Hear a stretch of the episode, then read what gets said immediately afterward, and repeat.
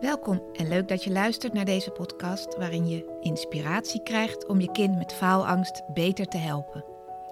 Mijn naam is Mariette Diets en samen zorgen we ervoor dat jouw kind een fijnere schooltijd krijgt. Dit is de Pubers met Faalangst podcast.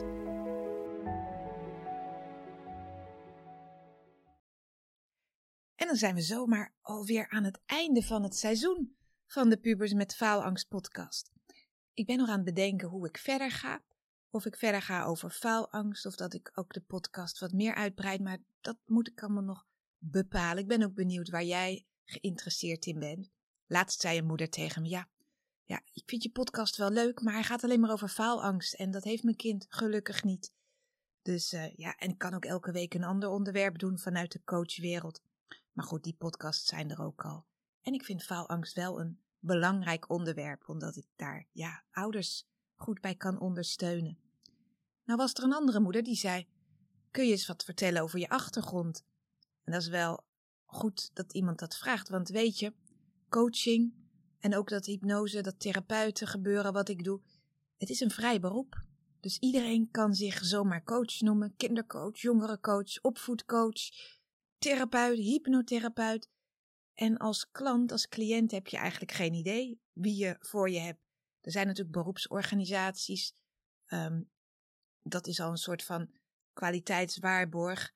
En ik zal je bekennen, ik ben er van geen enkele lid. Want ik vind het ook wel een beetje zonde van mijn geld. En ik weet gewoon dat ik goed bezig ben. Maar ik snap wel dat ouders willen, willen weten van wie ben je dan? En wat heb je dan geleerd dat je dit mag doen? Dus in deze aflevering wilde ik, wat meer, wilde ik jou wat meer laten kennis maken met wie ik ben, wat mijn achtergrond is en gewoon ook wat persoonlijke dingen. Ik heb wel andere podcasters gehoord die heel uitgebreid over zichzelf praten en dat vond ik een beetje irritant. Dat zegt ook weer wat over mij. Maar goed, ik ga proberen om het niet te lang te maken en jou wel wat uh, extra info te geven. En dan begin ik bij het begin. 1973. Ik ben geboren in Den Haag, opgegroeid in Wassenaar. En uh, gewoon traditioneel gezin, papa, mama, met z'n drieën waren we, ik in het midden. Dus uh, tussen twee broers. Dus daar komt wel mijn uh, harmoniehang vandaan. Want ik wil wel dat iedereen het naar zijn zin heeft. En ik was altijd het brave meisje. mijn vader was leraar klassieke talen en conrector op een middelbare school. En mijn moeder gaf Engels en Duitse les. Dus veel docentenbloed zit er in me. En uh, ik was een brave leerling, wat ik al zei. Ik deed heel erg mijn best op school. Dat gaf mij, weet ik, veel waardering. Eh, ik, ik, ja, men verwachtte dat van mij en ik deed dat. Dus ja, ik ging net als mijn vader uh, het gymnasium doen, Grieks en Latijn. Heel veel stress had ik op de middelbare school. En eigenlijk een beetje voor niks. Dus ik herken het wel als meiden, zijn vaak meiden in mijn praktijk, zoveel stress hebben. Jongens natuurlijk ook wel hoor. Uh, maar van dat ouders zeggen: ja, maar je haalt altijd een goed cijfer. En dan toch die stress voelen. Het voelt echt, heel echt. Gewoon die angst om niet goed genoeg te zijn of om door de man te vallen. Van ja, het kan wel zijn dat ik tot nu toe altijd negens haalde, maar nu ga ik zeker maar een zes halen. Erg hè? Maar dat gevoel van straks val ik door de mand en alsof een zes dan erg is. Dus uh, ik weet wel dat dat heel erg door mijn middelbare schooltijd speelde. En als ik nog een stapje terug doe, mijn basisschooltijd. Ja, ik ben ook wel gepest. Ik was geen dun kind. Ik was een dik kind. Ik uh, woog te veel. En daar werden altijd opmerkingen over gemaakt. Als ik erop terugkijk, denk ik niet van, nou, nou, dat was echt super traumatisch. Maar het heeft me wel gevormd. Het heeft me wel onzeker gemaakt. En het is ook helemaal niet leuk als de schoolarts in uh, groep 4 in de tweede klas al zegt: uh, je moet op je eten letten. Doe maar een boterham met appel. Kan ik me nog herinneren dat ik boterham met appel moest eten. Uh, mijn ouders waren ook altijd met lijnen bezig. Dus dat is wel een rode draad door mijn jeugd. Op mijn twaalfde was ik al bij de Watchers. En dan moest ik alles gaan tellen en zo tussen alle dikke dames. Dus gewicht speelde wel een rol. Gepest worden. Ik weet nog dat ik een keer door de Albert Heijn liep met mijn moeder. was ik een jaar of negen. En een van de klasgenootjes van de basisschool die, die riep hey, dij, dij, dikke diets. En mijn moeder voelde zich aangesproken, of ik dacht dat zij dat voelde, want dat was onze achternaam. En toen zei ik, laat maar mam, het is voor mij. En dat heeft haar weer erg geraakt van waarom zegt mijn kind dat? Waarom zorgt ze zo voor me? Dus zij is toen naar school gegaan van ik wil de, de school, de klas gaan voorlichten wat, hoe erg dat is voor een kind en dat er niet gepest mag worden. En weet je wat het hoofd van de school toen zei? We hebben het over honderd jaar geleden natuurlijk. Zei, doe dat maar niet, dan wordt het alleen maar erger. Dus in die tijd wisten ze ook niet zo goed hoe ze met dit soort gedrag om moesten gaan, met pestgedrag. Maar goed, wat dat betreft ging het op de middelbare wel beter. Al heb ik heel erg gelijnd. En ik kom natuurlijk ook meiden in mijn praktijk tegen die daar heel erg mee bezig zijn. En ik ben ook heel veel afgevallen door stiekem heel weinig te eten en alles op te schrijven. Ja, zo ging dat wel een beetje door mijn leven heen. Gelukkig ging dat daarna. Ik ben nooit te veel doorgeslagen en werd dat weer normaal. Iets anders wat opkwam in de middelbare schooltijd was mijn passie voor Italië. Uh, ik was denk ik, wel ja, ik was geïnteresseerd in de jongens op de camping waar we kwamen. En ik werd helemaal gek op het land en ik ging de dagen aftellen dat ik daar weer heen ging. En die liefde voor Italië is altijd gebleven. Ik ben Italiaans gaan studeren, echt aan de universiteit in Leiden. Dus dan leer je de taalkunde, de letterkunde, de, dus de literatuur. Hoe is het Latijn Italiaans geworden? Heel wetenschappelijk allemaal, de geschiedenis van Italië. En ik heb echt zo'n leuke studietijd gehad. Allemaal middeleeuwse gedichten bestudeerd en vertaald. En gewoon heel interessant. Alleen je kan er niet zoveel mee worden. Dus, uh, en ik was ook op mijn achttiende op kamers gaan wonen. Ik wilde snel lekker alles zelf doen. En uh, na mijn studie heb ik via allerlei omzwervingen bij Amerikaanse bedrijven gewerkt en heel lang bij ING in de IT, functioneel beheer, in de communicatie, de klantbrieven schrijven. En achteraf was dat wel mooi, want dat heeft wel ja, mij gevormd, zodat ik ook toen ik zelfstandig ondernemer werd, ook alweer tien jaar geleden, dat ik mijn eigen praktijk begon, dat ik goed was in, ja, in mijn websites bouwen, blogs maken, de heldere communicatie, de social media, de marketing, alles wat erbij komt kijken. Dat heb ik wel in de jaren daarvoor allemaal, ja, geleerd. En ik vind het ook heel leuk om dat te doen. Maar goed, jij bent misschien wel geïnteresseerd in hoe ik dan kindercoach werd. Nou, tien jaar geleden, of eigenlijk iets langer geleden, twaalf jaar geleden, bij ING ging ik NLP doen, neurolinguistisch programmeren. Misschien ken je dat. Het heeft wel eens de, het imago van secte, want ja, iedereen die daar vandaan komt is helemaal happy de peppy, uh, knuffelig met elkaar. Uh, het is heel, heel bijzonder wat je daar meemaakt, maar wat is het nou eigenlijk? Het is gewoon een cursus waar je leert hoe je met anderen communiceert, hoe je op een positieve manier met jezelf omgaat, met anderen, hoe je in het leven staat. En terwijl je al die technieken leert, want het zijn allemaal ja, modellen, technieken, oefeningen die je oefent met elkaar. Uh, om een ander uh, lekkerder in zijn vel te laten zitten. Ondertussen ben je ook zelf door een wasstraat aan het gaan. Dus je lost oude patronen op, oude traumaatjes, klein en groot oude overtuigingen van ik moet altijd dit, dingen die je van huis uit hebt meegekregen. Alles wordt wat, ja, je gaat leren herkennen wat jou drijft in het leven, maar je gaat ook dingen oplossen, zodat het allemaal wat puurder wordt in het hier en nu en niet meer van die oude triggers hebt. Dus dat, is een, dat maakt het een hele fijne opleiding, omdat je dus zelf ook lekkerder eruit komt en daarom is iedereen ook happy de peppy daarna. En ik weet niet eens meer waarom ik daarmee begon toen, want ik was niet ongelukkig of zo. En uh, ik woonde al samen met mijn huidige man en we hadden al twee kindjes. En bij zo'n opleiding leer je ook gewoon, wat wil ik? Wat is mijn doel? Hoe ga ik daarvoor? En ik was helemaal nog niet van plan om coach te worden, maar zo, terwijl ik die opleiding deed, ja, kwam dat steeds meer van, oh, dit is interessant, wat gaaf. En daarna ging ik gewoon weer bij de bank werken.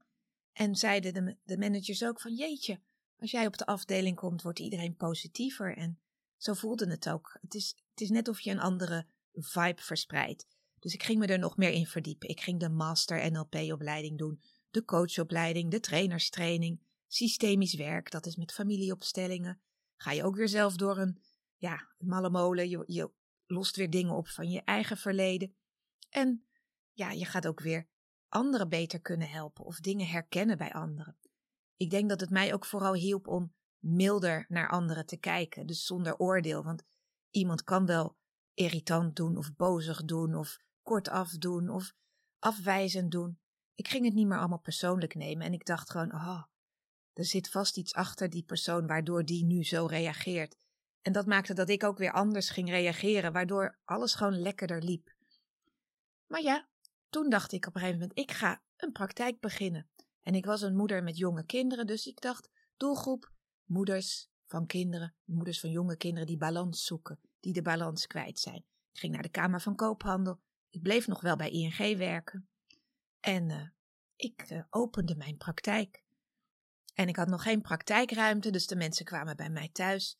Nou, de mensen, zoveel klanten had ik niet. Wat ik vooral toen deed in die periode was heel veel bezig zijn met marketing. Hoe krijg je klanten? Hoe organiseer je webinars, uh, een nieuwsbrief? Hoe, hoe zet je een praktijk professioneel op? En ik ging heel veel blogs schrijven. Heel, alle, al mijn kennis delen over NLP, over lekker in je vel zitten. Over, ja, gewoon voor moeders, voor mijn doelgroep. En social media. Ik werd steeds groter en groter op social media.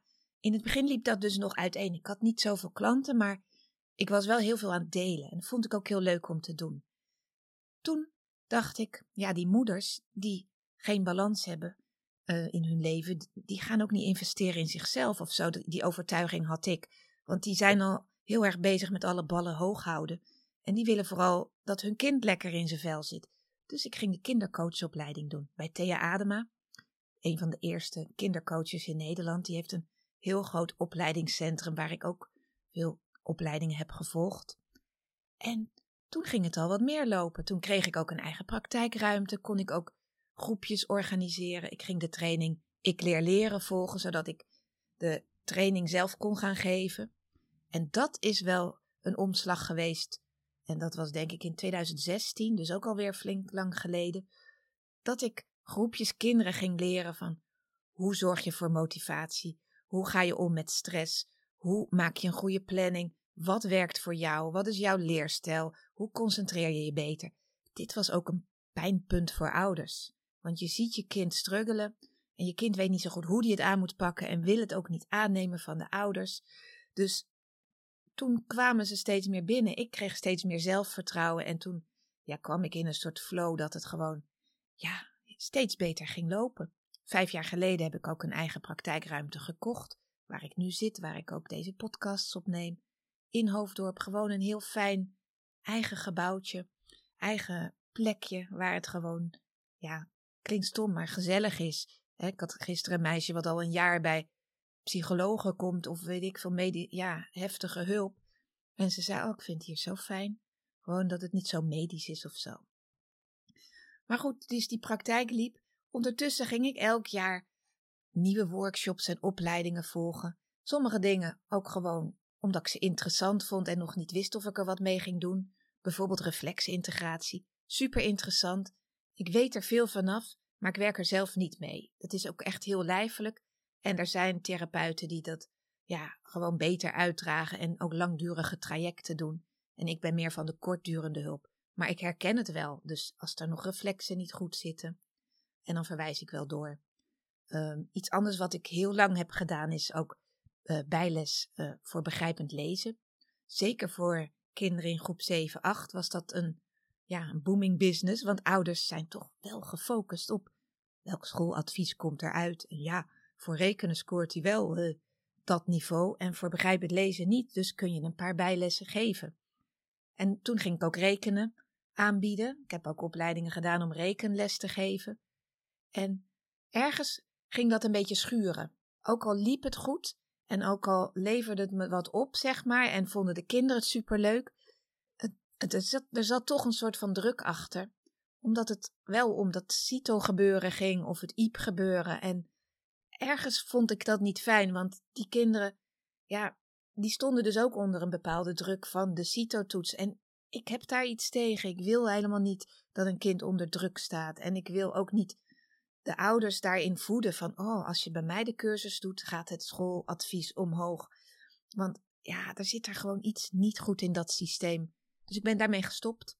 Begrijp het lezen bied ik wel nog aan aan middelbare scholieren.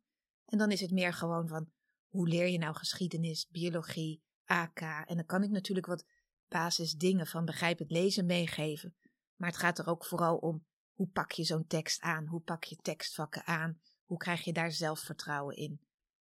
Dus ehm, dat is een voorbeeld van iets wat ik eerder deed en nu minder doe. En er zijn ook dingen die ik juist meer ben gaan doen. Bijvoorbeeld toen ik EFT leerde bij Woutira Krommelin. Nou, toen ging er een wereld voor me open.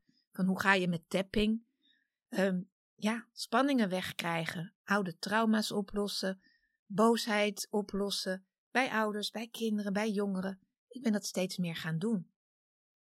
En zo rolde ik ook in de wereld van hypnose. Ik vond het machtig interessant hoe anderen dat deden, hoe Edwin Selei dat doet. Nu is hij ook weer in zijn dagelijkse Instagram lives mensen aan het helpen. Vond ik zo fascinerend hoe je door een uurtje met iemand te praten iemand zo in een andere stemming kan krijgen. Dus daar ben ik ook weer me meer in gaan verdiepen, de opleiding bij hem gedaan. Daarna ben ik opleidingen eh, gaan doen. Uh, ja, in Canada bij iemand, via internet wel, maar ook wel via Zoom, dus dat er ook gekeken wordt of je goed bezig bent.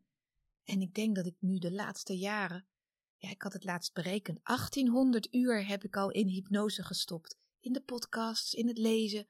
Ik vind het zo boeiend en vooral ook de verschillende opleiders, hoe die het doen en wat daaronder aan basishouding zit en hoe je met iemands onbewuste kan werken. En eigenlijk pakt dat weer terug op de NLP waar ik toen mee begon, NLP en hypnose. Eigenlijk is het hetzelfde met een andere naam. En dus ja, daar, dat is echt mijn passie momenteel van hoe kan ik daar, nou ja, ik hoef niet de beste te worden, maar gewoon supergoed in worden. Een soort van gouden ei. En ik merk dat ouders er ook op aanslaan, dat die hun kind bij me brengen. Van, kan je dit oplossen bij mijn kind? Of, en dan ga ik ook kijken, en wat speelt er dan bij jou als ouder? Dan komt dat systemische er weer bij, van waar loop je zelf nog mee rond? Waardoor jouw kind misschien onbewust hier ook last van heeft. Dus het komt allemaal samen. En het loopt ook gewoon lekker. En ik voel me daar ook steeds beter in worden. En uh, ik vind het ook gewoon super leuk om te doen. Dus ja, als ik dan zo kijk, ja, mij persoonlijk nog. Inmiddels zijn we ook tien jaar getrouwd. Want die man van mij ging ook NLP doen. En toen ging hij opeens wel door de knieën en zeggen: laten we deze verbinding echt maken. En uh, onze kinderen zijn 17 en 16 nu. Gaan ook lekker. Eentje gaat studeren. Die heeft voor mij heel veel inspiratie gegeven voor mijn podcast, maar ook voor, voor de blogs moesten we even een kuchje eruit knippen. Sorry daarvoor. Um, dus die kinderen, die gaan lekker. En ze zijn zo verschillend. En ze hebben ook gemaakt dat ik zo makkelijk met kinderen en jongeren werk. Vroeger was ik een beetje bang voor jongens van 15 en ouder. Ik vond ze een beetje bedreigend of bozig. En nu vind ik ze gewoon leuk en ze hebben een verhaal. Kinderen hebben allemaal een verhaal. En ik vind het heel fijn om daar contact mee te maken, naar ze te luisteren. En ik zie thuis wat er gebeurt en waar ik gewoon als moeder tegenaan loop. En als coach heb je een hele andere pet op. Kinderen vinden het ook gewoon fijn om even niet met hun eigen ouders te praten over iets, maar met iemand anders. En waar ze gewoon even kunnen spuien. En dan zeggen ze: Die mevrouw begrijpt me tenminste. En toen mijn dochter bij een coach was, zei ze achteraf ook: Die mevrouw begrijpt me tenminste. Het is gewoon lekker voor kinderen om met iemand te praten, maar ook voor de ouders die hier komen. Het is gewoon fijn om eventjes te reflecteren. Hoe doe ik wat ik doe? Wat wil ik bereiken? Wat moet ik daarvoor doen? En waar heb ik nog last van? En wat moet ik nog opruimen? Dus dat maakt dit gewoon een heel fijn beroep. Nou, als jij wil praten, tips wil, of misschien een therapeut of een coach bij jou in de buurt zoekt. Ik ken inmiddels heel veel mensen. Ik doe heel veel aan intervisie. Dus ik praat met andere mensen over bepaalde ja, casussen, zoals dat heet, van hoe zou jij dit oppakken? Ik kijk naar mijn eigen proces. En als je af en toe een klikje hoort in deze podcast, dan ben ik een kuch aan het wegwerken, want er zit een kikkertje in mijn keel. Maar goed, um, ik doe dus veel aan intervisie. Ik ben ook bezig met mijn eigen proces, want het leuke met al die opleidingen en workshops die ik doe is, je gaat zelf ook weer door, een, door, door een proces, want je gaat altijd werken met iets waar je zelf nog mee zit. Dus het ruimt heerlijk op. Wil je meer weten over hoe je nou coach of therapeut kan worden, mag je me ook een berichtje sturen. Ik doe ook coaching op dat vlak. Um, en je mag altijd een gratis kennismakingsgesprek inplannen. Gewoon even bellen of zoomen over waar zit je mee, waar kan ik jou mee helpen, waar kan ik je kind mee helpen, Hoe is jouw gezinssituatie? Waar loop je tegenaan? Uh, voel je vrij om daar om contact met me op te nemen. Ik ben nog aan het nadenken hoe ik de podcast verder ga vormgeven deze zomer. Of ik vooruit ga opnemen zodat er nog wekelijks iets komt. Of dat ik even een zomerstop inlas. Maar je merkt het vanzelf wel. Voor nu, 20 minuten, wel even genoeg over mezelf gepraat. Uh, ik wens je een mooie dag verder en uh, tot de volgende keer. Bedankt weer voor het luisteren naar de Pubers met Faalangst podcast. Wil je met mij sparren over jullie situatie? Dan kun je altijd een gratis kennismakingsgesprek inplannen via www.dietscoaching.nl. Vind je deze podcast interessant? Abonneer je dan en geef hem een goede review. Dat helpt mij enorm om nog meer ouders te bereiken.